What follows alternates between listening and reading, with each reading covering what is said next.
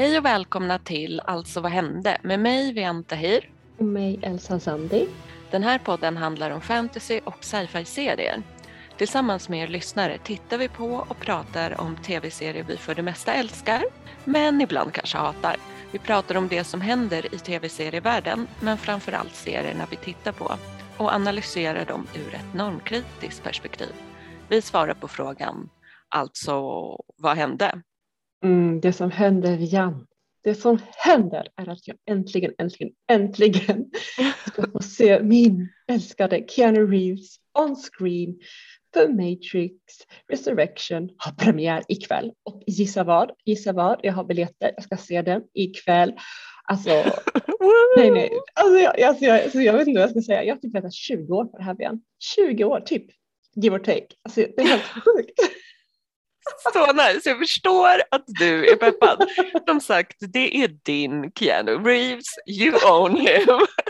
Men alltså börja med kanske att berätta vad den här filmen handlar om, för är inte Neo död? Like that's a problem känner jag. Är det really? Är det? Uh, alltså, alltså ärligt talat, alltså, jag vet inte. Alltså, jag, har, jag har inte läst eller ens sett trailern. Jag har Oj. inte sett trailern, men det är bara att jag inte vill veta. Alltså, jag hatar verkligen spoilers. Jag bryr mig inte om han är död eller inte. Det spelar ingen roll. Filmen är här. Jag ska se Keanu som Neo och det räcker typ för mig. men men okej, okay. Men visst eh, som jag har förstått det i alla fall, jag har inte läst på men som jag har förstått det, du vet man får hintar och sånt där, mm. så är det lite som i första filmen, han är tillbaka i fake-världen, a.k.a. Matrix och minns ingenting av den här världen då, av det som har hänt från de andra filmerna. Och, och så händer det grejer. Okej, då vet jag marginellt lite, lite mer. Men vet du vilka som är med? För Keanu Reeves är med tydligen ja, ja, han, alltså det är så, alltså det är guld att eh, han är Neo igen. Han spelar verkligen Neo. Och sen har vi då Ari, eh, Carrie Ann Moss som är Trinity och det är, jag är så himla glad att hon också är med på det här tåget, att hon och eh, Kenny nu får liksom så här reunite som Neo och Trinity för den, den, alltså den, ja, jag chippar dem så jävla mycket. Alltså, det, det, är så jävla bra. Men alltså tyvärr, jag är sjukt besviken så är inte Lawrence Fishburne är inte med som underbara Morpheus. Oh, jag, som sagt, jag har inte googlat på det här för jag vågar inte, jag vill inte bli spoilad, jag vill inte veta någonting. Eh, så jag kommer ta reda på varför han inte är med sen liksom när jag har sett filmen. Efter ikväll okay. kommer jag bara, ja. du kommer inte höra något ifrån mig, jag kommer hoppa in i Matrix kaninhålet och bara inte komma tillbaka. men i alla fall, det, men alltså, annars så är det sjukt spännande eh, och liksom det är nya skådisar och det är fullt med mångfald så jag är så jag är sjukt pepp.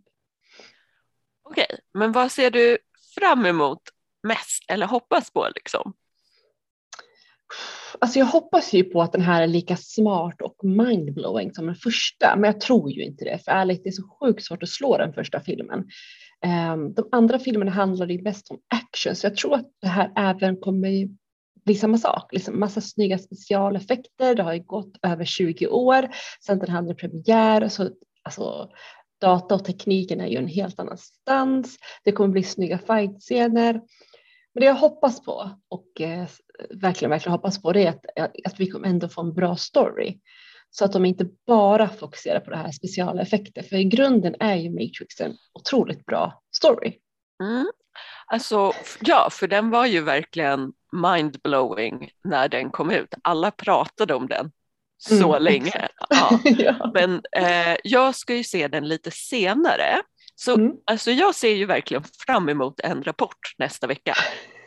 Dock en spoilerfri rapport. Avsnitt sju av Wheel of Time har ju kommit ut.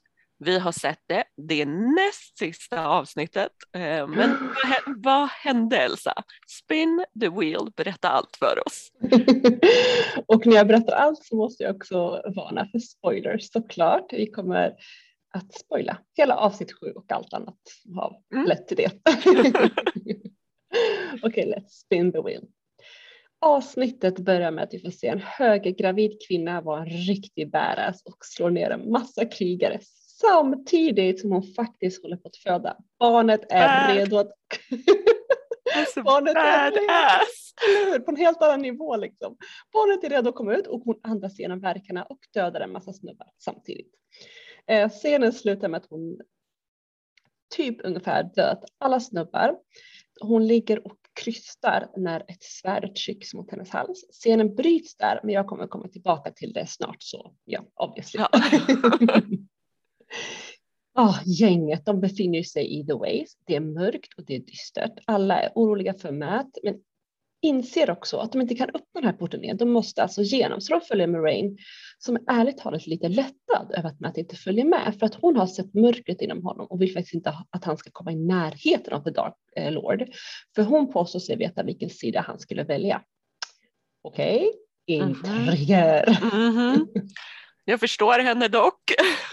Jag med. I alla fall, i The Ways inser de att det är någon eller något som följer efter dem.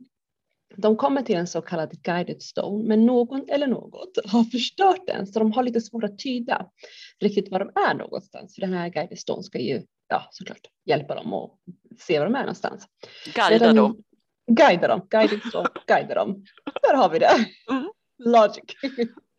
Men medan då jag försöker fixa det här eller försöker tolka den så försöker de andra to- typ sova lite, vila lite. Men det här varar inte länge för mitt i natten blir gänget attackerade av Trollocs. De springer för sina liv men får ännu mer problem när en svart vind som kallas Mashinshin svärmar omkring dem. Den här vinden viskar hemska och extremt destruktiva tankar i var och en av de här.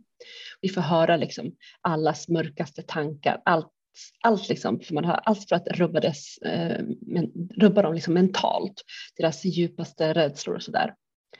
Nynaeve kommer till the rescue igen, använder the one power för att hold eh, machine off och medan hon gör det så öppnar Moraine en port så alla kan fly igenom.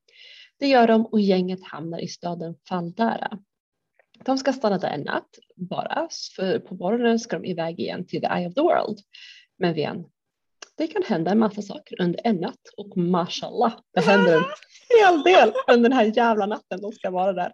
Let me tell you about it. Okay. Gänget går först till ett värdshus där Moraine träffar Finn, eh, min farsa. En kvinna som kan se in i framtiden. Moraine vill att hon ska titta på det här gänget och berätta vad hon ser. Min ser att Perrin har gula ögon. Mm. Att Lan, nej, Rand håller i en bebis. Det var lite konstigt. Mm. Rand, bebis, Rand, bebis. Jag ser det inte i alla fall. Och att Nynaeve och Egwene lyser. Min farsa säger helt enkelt att det här gänget hör ihop på något sätt, men hon vet inte hur. Så det var ganska kul att se, det tror jag. Hmm, Moraine, Mm. Moraine. Moraine har ju inte helt släppt Matt såklart. Hon ber Lady Amalisa, som då eh, finns i Valdara, som också kan kanalisera, men inte tillräckligt bra för att bli en Aes. Hon ber henne, alltså Moraine ber henne i alla fall att hjälpa henne att lokalisera Matt och även skicka det här vidare till röda Aes. Oh Matt, you're in trouble. Mhm. Och Verkligen. Moraine, vad gör du? Vad Mm. händer? Men nu, okej nu måste jag berätta om det jag vet vi båda måste prata och diskutera och älskar. Nämligen att Nynaeve bestämmer sig för att smyga efter Lan och spionera på honom. Hon ser honom gå in i ett hus där en familj väl- välkomnar in honom som om han vore deras typ long lost son. Lan blir inte lurad den här gången utan han vet att Nynaeve är bakom honom. Så han överraskar henne och bjuder in henne då. Så där sitter de allihopa, har mysigt. Sen, igen, det blir mellan Lan och Nynaeve. De får till det, de hookar. Do, do, do, do, do. De get it on, get it on. Äntligen. Och hur många gånger, jag vet inte hur, vi kommer önska att vi var Nynaeve i det här stället. Men i alla fall.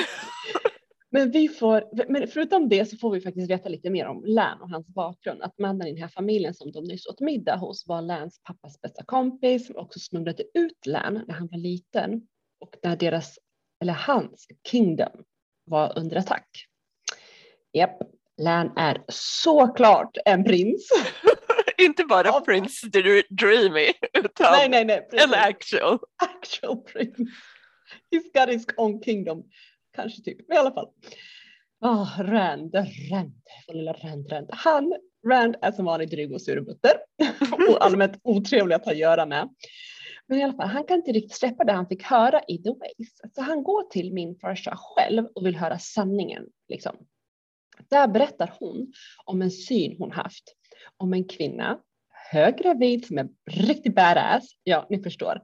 Hon berättar om precis det vi såg i början av avsnittet. Min farsa berättar att den här kvinnan föder en pojke och tyvärr dör hon själv. Men soldaten som hotade henne med svärdet behåller barnet och uppfostrar honom.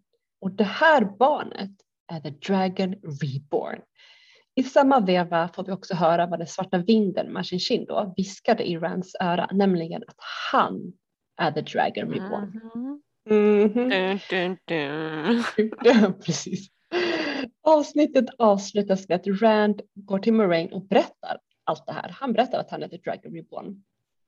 De ger sig ut själva. De lämnar alla de andra och går in The Blight som är då en typ död skog med massa skelett och mörker och ond bråd död. Så. ja. Tack för den summeringen, mycket bra spinning the wheel. Men alltså, Län och Ninive, vi har hårdchippat, alltså hårdchippat dem. Jag är all for hela det chippet, men jag tycker ändå det är lite för tidigt. Alltså jag tycker faktiskt att det också var det. När jag såg vart det hela skulle på väg, var på väg hade jag gärna velat, alltså jag, för tidigt, jag hade gärna velat se mer flört och hints innan, ja du vet. Mm. Eller vad säger du? Lite mer sådär flört och hint. Ja men alltså grejen är ju att jag kollar på mina kära K-dramas och kinesiska fantasy och grejer och de är ju det är ju lite mer censur så att de måste bygga upp saker på ett helt annat sätt. Så den jag kollar på nu, där mm. tog det dem 60 000 år att kyssas. Så mina så här, referensramar när det gäller eh, hur snabbt eller ja, hur långsamt en relation går, de är helt annat än, äh, än det här. Alltså det ska hända så mycket blickar och spänning, bla bla bla. Så det här var minst sagt en chock. Way för snabbt för mig att hantera. men, men där tänkte jag liksom, jag bara okej okay, men det är ju jag, jag har helt nya referensramar nu. Mm. Men om du, alltså så här, om du som fortfarande har Hollywood-ramar säger att det går för snabbt, ja men då är, då är det ju sant att det gjorde det, det är inte bara jag. Nej, nej, det är inte bara du. Jag håller med dig. Jag tycker att det gick för snabbt. Det är inte bara, det är inte bara för att jag är fast i Hollywood-ramarna, Jag tycker att hela den ramen överhuvudtaget, Hollywood-ramen är lite skev. Så, ja. Ja, alltså det är ju någonting med Hollywood-konceptet som jag liksom nu när jag har andra referensramar stör mig på. Och det jag mm. känner är att man använder sex som en genväg till att skapa en relation. Liksom. Mm. Alltså man slänger dem i säng och nu är de kära. Och alltså, nu låter det som att jag är fett pryd. Men det är inte det. Alltså det är inte så att jag har någonting emot att någon har sex tidigt eller whatever, alltså go for it. Jag tycker bara det är slappt manusskrivande att likställa ja. sex med intimitet eller en nära relation. Precis. Alltså bara för att man hookat så behöver inte det betyda att man är kära liksom. Nej. Och här tycker jag att de tar den genvägen lite med Län och Ninive. Absolut, jag är med dig där 100 procent. Det gick för snabbt och det känns som att de borde ha byggt upp deras relation lite mer innan de blir ja, kära, a.k.a. ha sex, för det är väl likadant, eller det är väl lika med i Hollywood-dramarna. Mm. Och, och, vi vet ju inte om de är det. Vi, alltså, bara för att man har en liksom, sexuell, um, uh, ja. Encounter. Eh, ja men precis, inte bara encounter men kemi också. Det kan ju bara faktiskt ja. vara det. Uh, så jag, nej, men jag hade velat se att de byggt upp deras relation mer. Ja, alltså för om man jämför där med Moraine och Chuan, där får vi ju liksom, där är det ju basically en sexscen direkt. Men vi får också veta att de liksom varit ihop i flera år, att de är så här, tycker det är liksom sorgligt eller plågsamt eller liksom så att de bara träffas varannat år eller så. Alltså det, vi, vi, får veta mer om relationen. Så där köper jag att de har en actual relation fastän de har sex direkt. Man har, mm. De bygger en relation i manuset liksom. Ja, precis snacket efteråt också, hur de sitter och pratar med varandra som att de är jämlika och eh, de har en historia. Så jag, men jag håller med dig där om, mm. om den. Men, men du, Vian, jag vet inte hur jag ska säga det här, men var inte Ninive lite, jag vet inte, var det inte lite stalkervarning på henne? Eller bara att hon var, eller rude? Alltså jag vet inte, jag, jag kände mig att hon var för lite för pushy här. Jag vet inte riktigt vad det är jag är ute efter, alltså ord jag är ute efter, men det kändes inte rätt att hon intrudes där som hon gjorde i, i hans familj. Och sen bara sitta där och äta med dem. Jag tänker typ, Lan har ju inte sett de här människorna hans familj på hur länge som helst. Han kanske bara ville vara i fred med dem en stund. Eller, övertolkar jag det här nu? Men när är Ninive inte rude i det här läget? Alltså, jag har rätt. Hon har faktiskt inte varit en trevlig eller artig reskamrat hittills. Och jag är inte förvånad, men kan inte låta bli att störa mig på att hon, hon inkräktar på Läns familj och bara åt deras mat. För vad ska Län, men allvarligt talat, vad ska Län säga? Bara back off. Nej, han är väl, han, det, det är det här vi älskar Län. Han är väluppfostrad. Klart som fan han bjuder in henne. Jag menar min mamma hade mördat mig om jag inte hade bjudit hem någon på mat sådär. Alltså nej. Alltså, ja, nej men gud ja, det hade börjat flyga tofflor om jag inte bjöd in någon som stod där precis utanför dörren. Alltså. Men jag tror att här är det liksom för att manusförfattarna tror att de har skapat eller visat oss en djupare relation än vad de faktiskt har. Mm. Så det mesta har ju varit så här, kommentarer, typ Moraine som bara oh, jag gillade wisdom, hint hint. Och liksom, om man hade varit så kära, ja men då kanske det hade varit made more sense. Om man är kär, ja at some point då träffar man liksom föräldrarna där och käkar middag. Exakt. Ja, men nu, som, alltså, som du säger, det är lite påträngande.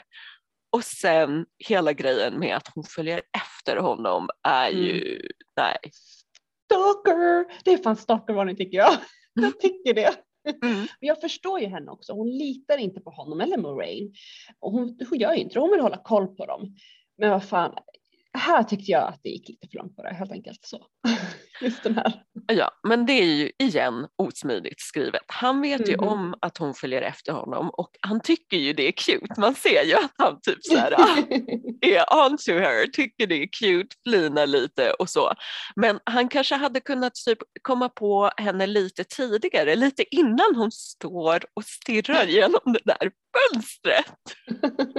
alltså lite tidigare, jag vet inte vad, liksom. det där var bara osmidigt. Mm. However, all things aside, jag chippar ju dem fortfarande. Jag tyckte att den scenen efter hela stalker-stunden, efter allt det, så tyckte jag att den scenen var cute när de satt och liksom käkade middag. Absolut, jag håller med dig. Jag är fortfarande på deras sida eh, och jag tycker att det var väldigt fint. Önskar bara som sagt att, de hade, att det hade hänt på ett annat sätt och lite längre fram. Ja, ja men exakt. Men opposite of Ninives oartighet, alltså, så, så har vi ju Egwene som oh. nu, nu tar hon liksom lite mer plats och eh, som förra avsnittet så igen så är hon liksom en assertive egen person som har mm. sina, sina liksom tankar och eh, vilja. Så jag gillar ju henne mer nu när jag har sett eh, mer utav den sidan. Alltså det är inte så att jag ogillade henne men jag var mer ljummen mot henne. Nu börjar jag värma, värma upp mig kan man ja. säga. Ja, men jag förstår, jag gillar hennes integritet och hur hon faktiskt är den mogna och den som ser fler steg framåt också. För någon måste ju stoppa the dark one. Egwene är fan a true hero här. Hon, alltså jag älskar hur hon satt huvudet på spiken när hon sa att ni skulle inte ha tvekat att åka till Eye of the World och försöka rädda världen om det inte vore för att hon har en personlig grudge mot Moraine och Aes Sedai överhuvudtaget. Ja, ja, och så skönt att hon satte ner foten men också så skönt att hon bara nailade vad som var problemet med Nineve eller vad Nineve hade för problem. Men sen den här grejen med Perrin. Åh, oh, gud vad arg jag blev. Ja, alltså Lord spare me ett triangeldrama. Det är helt onödigt. Och det finns knappt, det finns typ tre rader om det i boken så det är helt onödigt. Det är, alltså, är det här allt Perrin är? Ska, alltså, är hela, hela hans story så tunn liksom, att han bara har en crush på Egwene? Varför, varför lägger de tid på en sån skitgrej när man hade kunnat göra någonting annat istället? Han har helt andra hemligheter, de är way mer intressanta att utforska. Alltså jag håller med dig. Alltså, det här var helt onödigt. Jag pallar inte heller med en eh, triangeldrama och jag känner att min älskade favoritkaraktär Perrin behöver någon på sin sida här. Någon som har läst böckerna och kan ge honom den storyn han förtjänar. Och som sagt, hela triangeldramat skippas. Snälla, skippa det bara. Nu får, du får vara på hans sida och eh, ringa the writers room helt enkelt. On it, on it. Alltså, men det här med Matt eh, och att han är borta nu i alla fall i det här avsnittet och så. Jag vet inte riktigt vad som kommer att hända med hon, hans eh, karaktär till nästa avsnitt. Men de ska ju byta ut skådisen till nästa säsong. Mm. Vilket förmodligen är varför de skrev om saker och han inte hängde med i The Ways som han egentligen borde ha gjort. Liksom. Men varför? Jag gillar honom. Vad är det som har hänt? Har, va? Jag hänger inte alls med i det här. Berätta, vet du något? Alltså det är ingen som vet. De har varit, varit så väldigt diffusa om det. Det finns typ rykten och spekulationer och så men de har liksom inte officiellt sagt varför han inte är med. Mm -hmm. Okej, okay, då får vi helt enkelt se och till nästa säsong vänta och se vad som händer. Men du, apropå The Ways så har vi ju hade vi ju rätt om en grej. Jag är så jävla stolt över oss. Han den där gatuförsäljaren, försäljaren heter Padam Fane, har ju följt efter dem. För vi sa ju det för några avsnitt att vi trodde att vi såg honom eh, när han var i White Tower. Alltså vilken öga för detaljer vi har, Diane. Det är mm -hmm. bäst. Bra jobbat! Bra jobbat! Jag såg honom i the ways också. Men, men ja, what's up with him liksom? Ännu en liksom. Vad är grejen med honom? Alltså det, det, är vi som har ett öga för detaljer och så parents som har noterat det. Well done, well done. Men alltså det, han är en dark friend. Jag håller mig stenhårt fortfarande till att han är en dark friend. Det är någonting shady med honom. Absolut ingen jävla friendly hjälpare där, nej. Verkligen inte. Men nu har ju Rand och Moraine smitit på sitt solomission för tydligen så är Rand the Dragon reborn. Shocker! Nej, vi visste ju det eh, redan innan när, eftersom vi har läst böckerna. Liksom. Fast ingen är chockad, inte ens de som inte har läst boken är chockade. Det som jag, jag önskar verkligen att vi hade fått mer hintar along the way, bättre hintar, inte de hintarna, alltså bättre hintar. Alla kunde ju ha varit The Dragon Reborn, det var ju det som är grejen. Någon av de här fem är ju det. Vi fick se hur typ mer eller mindre alla hade något magiskt över sig. Kvinnorna kunde kanalisera, Perrin och vargarna, Matt med sitt mörker. Men Rand, hans hint var typ med. Ja, verkligen. Och det roliga, eller störiga, eller vad man ska säga, är ju att de som inte läst böckerna började misstänka honom för att det inte fanns några hintar. Så alla som, som liksom inte läst böckerna och såg att det inte fanns eh, några hintar var så här, hmm, that's suspicious, that's weird. Så ja, det hade ju varit bättre med liksom lite smidigare eller så tydligare hintar på honom också så att det skulle blivit jämnt. Liksom. Mm, jag förstår det och, och så nu föll det bara platt tycker jag. Men nu är han alltså, Haddon och Rain då, på väg själva. Mm. och nästa vecka Bian, är det ju säsongsfinalen. Ja men alltså vissa så här, äh, hero complex klassiker kommer man ju inte ifrån i någon serie överhuvudtaget. Så jag så här, of course att de gav sig iväg själva och skulle spela hjältar. Men ja, så spännande med finalen nästa vecka. Jag är så pepp, jag är jättepepp. Mhm. Men jag är också verkligen inte pepp för att då kommer det vara slut sen. Ja, det ska bli så tråkigt att det här tar slut. Jag, har läng- alltså jag längtar efter säsong två. Jag gör faktiskt det. Eh, visst, serien är inte perfekt, men jag gillar den otroligt mycket. Och det ska bli så kul att prata och grotta ner oss i den här serien i nästa vecka. Ja, för nästa vecka är ju, nästa avsnitt är ju säsongsfinal of Wheel of Time. Så såklart så kommer hela vårat avsnitt handla om bara Wheel of Time. Woho! Så Elsa, Mm. förra avsnittet så var du på väg in i fas 3. Jag kan inte tänka på något annat än The Untamed. Jag måste bingea allt. Och då är ju frågan, har du börjat bingea allt? Alltså jag har ju sett fyra avsnitt. What? Åh, jag var inte beredd på det. Är det sant? Det är sant. Jag vet, inte. alltså, alltså, men det är så mycket som händer. Alltså, jag, istället för att jag berättar vad som har hänt så kan jag väl berätta mina känslor kring det. För det är så mycket som händer. Men summan och summarum är att alla vill få tag på den här Yin Iron. Och The Wen Clan, de onda, svarta och röda, Mm. de vet att eh, Lan-klanen har den typ. Så de är ute efter Lang Wangji som då har gått ut och ska gömma den här. Mm. Men de, alltså den här Wen-klanen, de är, alltså de är ruthless. De har typ utrotat alla klaner och hotar liksom. Så Mm. det är, det, det är mycket strider. Jag har fått se jättemycket härliga fightscener, så kan jag ju säga. Eh, och uh, Ja, nu väldigt kommer mycket. de igång va? Nu Ja, är det mycket precis. flygande och grejer. Ja, mycket flygande, mycket. Ja, men det är krig liksom, inte mer, inte än, men snart är det ju liksom krig för att.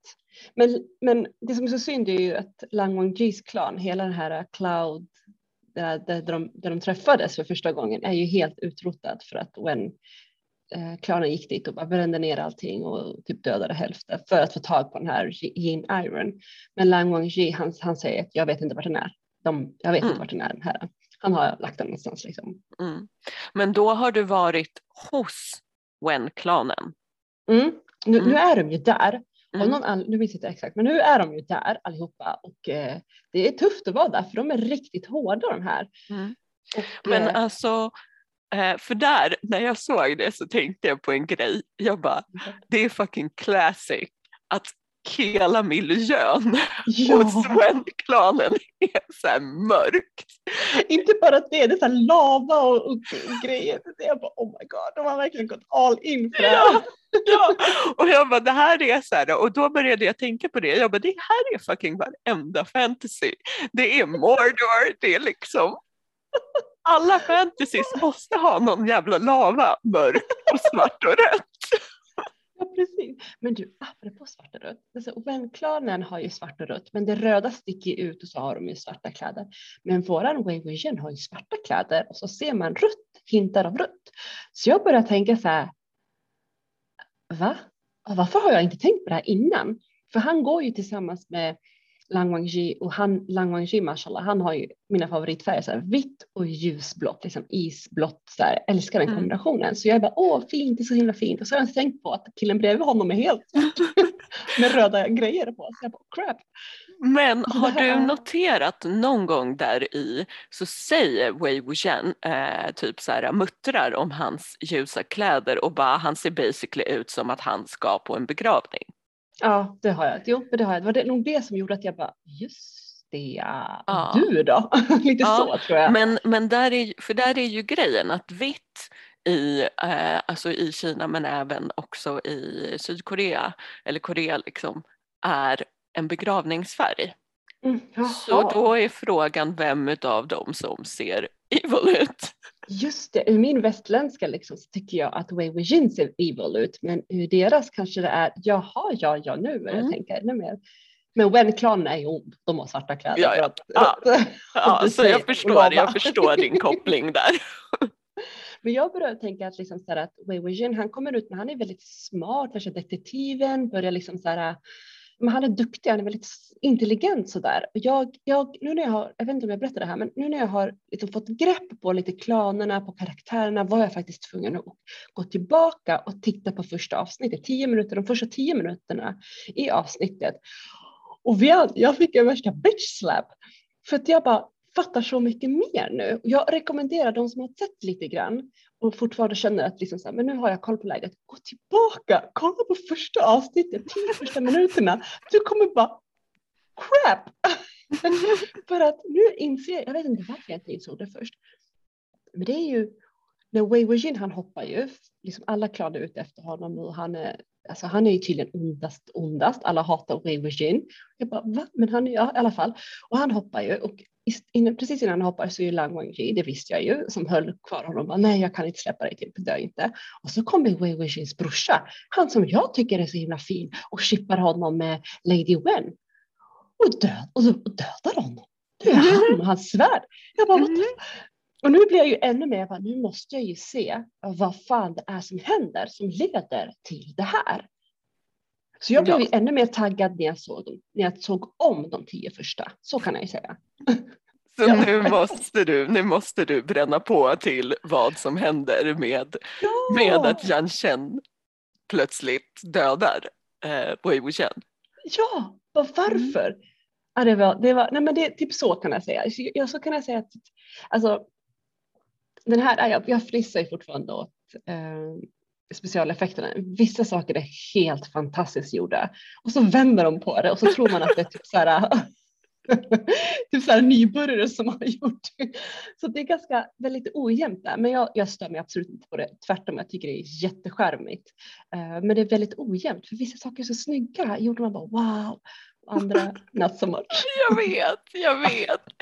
Och, men som du säger, efter ett tag så blir man så här, man bara gud vad gulligt att det det här var så dåligt. Men okej, nu ska vi ju till nästa avsnitt eh, av våran podd då, Mm. så ska vi ju ta en paus med hemläxorna eh, och bara prata om Wheel of Time. Så nu har du två veckor på dig. Vi får se vart jag, vart jag hamnar någonstans. Exakt. Men det här har ju funkat bra för att de inte är en timme långa. De är ungefär 40 minuter, 30 minuter och det, det, är, det är fantastiskt. Jag uppskattar det. Vi får se hur långt jag kommer. Ja. Okej då. Hur går det med Coven? Nu måste jag fråga. Vad händer? Va, alltså, nu har jag sett två avsnitt. Jag har, nu, har jag, nu är jag 100% säker på att jag har knäckt koden och att jag vet vad det är som skaver hos oss båda. Yes. okej. Men jag får göra en liten recap för här är det viktigt med recapen först. Ja, okej. Eh, vi har nu en main story som Mm. är att eh, Cordelias man, han var en Hank. Han visade ju sig vara en häxjägare och nu visar det sig dessutom att han är en häxjägare som är en del av en massiv organisation som hans pappa leder. Oh my god, okej. Mm, och nu, varför säger du oh my god? du vet! jag vet. Men du vet, jag vill bara, oh yeah, jag är inne i storyn. Okej, fortsätt, give it to me. ja. ja, men så de är nu ute efter alla häxor.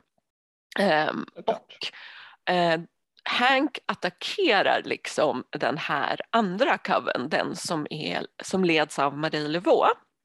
Mm. Den attackerar han, dödar i princip alla. Och eh, precis innan han lyckas döda Marie Levaux eh, så kommer Queenie och gör den här voodoo, eh, för hon är ju en levande voodoo-docka. Mm. Så hon skjuter sig själv eh, och då dör hon och Hank. Så det är Mm. liksom det som händer där på Marie Levaux-sidan och på main storylinen kommer att bli, antar jag, den här organisationen. Så hon måste då gå till The Coven mm. för att hon behöver hjälp. Liksom. Eh, och där så börjar hon och Fiona typ göra någon slags samarbete. Mm. Och Fiona är då Cordelia. Cordelia är rektorn för skolan, Fiona är så här, uh, Supreme Witch. Så det är, liksom, det är det som är main story. Sen har vi då Nan som har blivit kär i grannkillen. Grannkillens mamma är typ überkonservativ kristen, tycker att hon är superond. Och igen så har vi någon form av eh, liksom misshandel mot eh, den här mamman mot sin son. Så han blir skadad. Eh, eventually så dör han. Eh, Fiona är ju fortfarande inne på den här, eh, vill ta, någon av de här unga tjejerna ska bli New Supreme. Fiona är fortfarande inne på att stoppa dem för att om hon stoppar den här unga från att ta över hennes tron så kommer inte Fiona dö. Liksom. Mm. Så hon dödar Nan. Eh, i, det är så, så långt jag har kommit att eh, okay. Fiona, mm. liksom, det, det är det senaste som har hänt. Så nu är Nan och Queenie döda. Queenie spelas av en svart kvinna. Mm. Nan spelas av en eh, kvinna som har down syndrom som är en så jättestor funkisaktivist. Mm. Vad vi har kvar nu mm. är Marie Levaux och Marie Levaux har varit antagonist, alltså hon har varit på någon slags ond sida liksom, under mm. hela serien. Och förutom henne så har vi kvar en cast utav vita kvinnor. Och bara vita kvinnor. Och den svarta coven som liksom eh, innan de försvann, mm. de har varit the bad guys. Och det är här mm. jag har mitt issue. Det är här jag förstår att vissa tyckte att den här serien var empowering och mm. att du och jag stör oss på den. och det är för att alla normbrytande, men hon har knappt haft en så här, hon har knappt varit med i the main story, hon har knappt haft några liksom, stora krafter. Så där har vi en normbrytande, en funkiskaraktär som försvinner och sen har vi eh, Queenie som liksom också var med i The Coven som också var någon så här sideplot som eh, dör. Sen har vi ytterligare en grej och det är den här uh, Madame LaLaurie mm. som vi såg i början är fucking evil och hon är en så här, det här är inte eh, nutida contemporary rasism. Nej. Det här nej, nej, är liksom old school, old school, old, eh, old school, old school eh, på liksom eh, ha svarta personer som slavar nivå. Mm. Och där säger Marie Levaux någonting väldigt bra vid ett tillfälle att hon bara, ni, du grävde upp den här eh, riktigt jävla onda människan. Liksom. Mm. Och under seriens gång så har, har det varit så att det liksom försöks väcka lite sympatier, att hon och Queenie ska liksom komma närmare mm. varandra och hon ska omvändas, bla bla bla. So you see where I'm getting at? Japp, absolut. Ja. Såklart. Det här, är så här, det här är en gång till som man kommer till när man pratar om feminismens och hur empowering det är, men det är alltid den vita kvinnans feminism som Exakt. då blir empowerment. Och här har vi ju, du satt, alltså verkligen, du bara rabblade upp precis det jag har känt men inte kunnat liksom Alltså jag har vetat det men jag har inte kunnat diskutera med någon och äntligen, äntligen har, jag, har vi fått det Liksom. Ja, men alltså jag tror, för jag har, har ju, eh, jag sa det nog när jag liksom fick det här i hem, att jag ett tag där eh, funderade på att se den. Och det mm. var just för att alla pratade om hur bra det var med en hel kvinnlig cast och att det var liksom empowering och så vidare. Mm. Så jag tror att då, om jag hade sett den när den kom ut 2013, mm. Då kanske jag inte hade riktigt vetat som du, alltså här, vad är det jag inte kan sätta fingret på som jag stör mig på? Mm. Men nu eftersom du gav mig den i hemläxa och specifikt med the intention av se om den fortfarande håller. Då har ju jag tittat på den med andra ögon och det är exakt som du säger.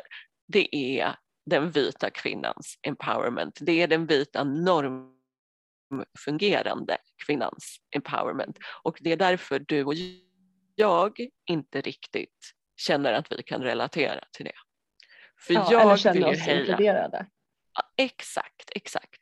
Och jag stör mig också lite på att så här, jag gillar Marie Laveau som, vad ska man säga, myt eller historia eller liksom karaktär så. Och att Mm. hon då är evil. Ja, det är svårt. Ja, det är svårt. Och sen har vi så här, ytterligare en fail som är med de, den så här, voodoo-religionen överhuvudtaget Mm. som blir så här, twisted, som inte stämmer. Ehm, de har liksom tagit fel voodoo-karaktär lite. Alltså så här, den här karaktären som de tog till eh, att vara ond i ett av de senaste avsnitten, Mm. den är inte ond Nej. egentligen. Så det är också en så här, ehm, ja, en, Mm. fe, en fel grej. De borde egentligen ha tagit så här, Baron Samedi. Baron Samedi är lite mer, eh, inte ond, men han är, är lite, lite hårdare. Han är lite mer så att han kan göra lite mer onda grejer, liksom straffa folk och så vidare och så vidare. Men Han är lite mer på gränsen där än vad, ja precis. Ja, han kan vara lite mer farlig. Liksom. Mm. Den här karaktären som de tog är inte det. Nej. Och där säger jag att det, det, det, kände jag att voodoo-delen kändes inte alls okej överhuvudtaget att det här skulle berättas ur det här perspektivet. Redan då kände jag faktiskt det. Så det tyckte jag att jag, jag tycker inte de lyckades med voodoo-grejen redan 2013, det kan jag ju säga. Mm. Det tycker inte Mm. jag. Men jag tänkte, du sa, du tänkte säga någonting och jag avbröt det och jag, vet, jag tror att jag vet vad du tänkte säga. Det var det att du, man vill ju eh, heja på de som är som, eh, som från vår perspektiv som är rasifierade, då vill man ju heja på de rasifierade. Men i det här fallet så blir det svårt att göra det, för de är antingen döda, de dör, antingen så dör de eller så är de onda. Och det här är ju det, här är ju det klassiska, det här är ju något som vi har levt med i hela vårt liv. Jag tänker på Disney, jag tänker på allt det här. Varenda gång man ser en film, en tecknad film som barn eller en bok eller vad som helst, vilken story som helst som man tar del av. Uppvuxen på eh, 90-talet och början av 00-talet som du och jag är, så är det alltid att den som liknar oss, den som ser ut som oss, den som påminner om oss och vår, våra kompisar, bröder och eh, kusiner och pappor och farbröder, allt det där, de är alltid de onda. Så vi har en hel Mm, generation som identifierar sig med the bad guys. Ja. Vad händer med bojen? Alltså så. Ja. Ja, ja men precis. Vi, vi identifierar oss med the bad guys men också samhället i stort. Alltså har ju den kopplingen att samhället i stort ser då oss som the bad guys. Um, alltså jag, tänkte, jag började tänka på så här, Sagan om ringen och eh, så här, de onda från eh, liksom, de onda Mm. mörka bla bla bla där. Mm. det finns ett väldigt långt track record av det. Och så nej, på din fråga, håller den här serien fortfarande? Nej, det gör den inte. Det, Hell no. har, trots, nej, det har trots allt blivit bättre.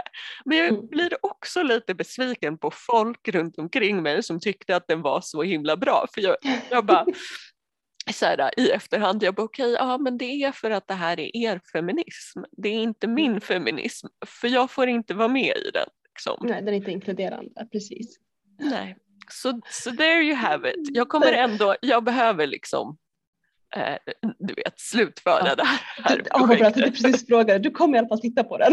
Ja, liksom. jag, be, jag behöver liksom, jag behöver ändå svar. Vad händer i liksom eh, i main story, vad händer och så, med de här karaktärerna och så vidare. Mm. Vem ska bli the real supreme av de här unga? Så, så jag behöver liksom slutföra det här projektet.